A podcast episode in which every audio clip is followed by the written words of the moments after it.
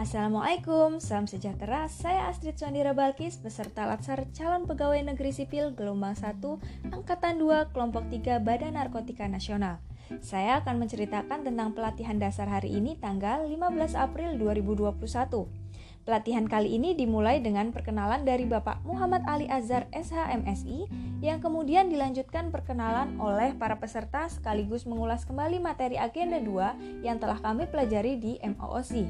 Kemudian Pak Ali melakukan overview materi mengenai akuntabilitas, nasionalisme, etika publik, komitmen mutu, anti korupsi, dan yang terakhir penjelasan tentang tugas yang akan dikerjakan saya akan mereview sedikit tentang akuntabilitas.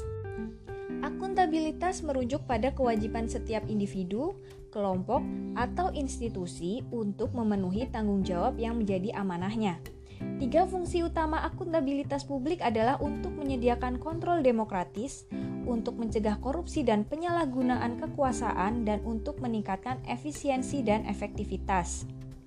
Dalam menciptakan lingkungan kerja yang akuntabel, ada beberapa aspek yang harus diperhatikan, yaitu kepemimpinan, transparansi, integritas, tanggung jawab, keadilan, kepercayaan, keseimbangan, kejelasan, dan konsistensi.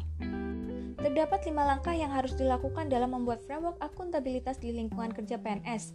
Yang pertama, tentukan tanggung jawab dan tujuan, kemudian rencanakan apa yang akan dilakukan untuk mencapai tujuan, lalu lakukan implementasi dan monitoring kemajuan. Setelah itu, berikan laporan secara lengkap serta berikan evaluasi dan masukan perbaikan. PNS yang akuntabel adalah PNS yang mampu mengambil pilihan yang tepat ketika terjadi konflik kepentingan, tidak terlibat dalam politik praktis, melayani warga secara adil dan konsisten dalam menjalankan tugas dan fungsinya.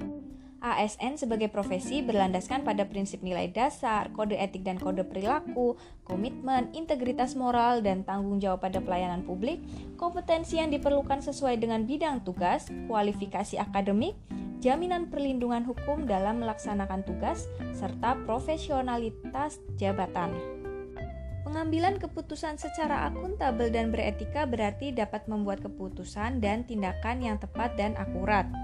Dalam prakteknya, penempatan kepentingan umum berarti bahwa memastikan tindakan dan keputusan yang berimbang dan tidak bias, bertindak adil dan mematuhi prinsip-prinsip due proses, akuntabel dan transparan, melakukan pekerjaan secara penuh, efektif, dan efisien, berperilaku sesuai dengan standar sektor publik, kode sektor publik etika sesuai dengan organisasinya, serta mendeklarasikan secara terbuka bila terjadi adanya potensi konflik kepentingan. Sekian dari saya, terima kasih.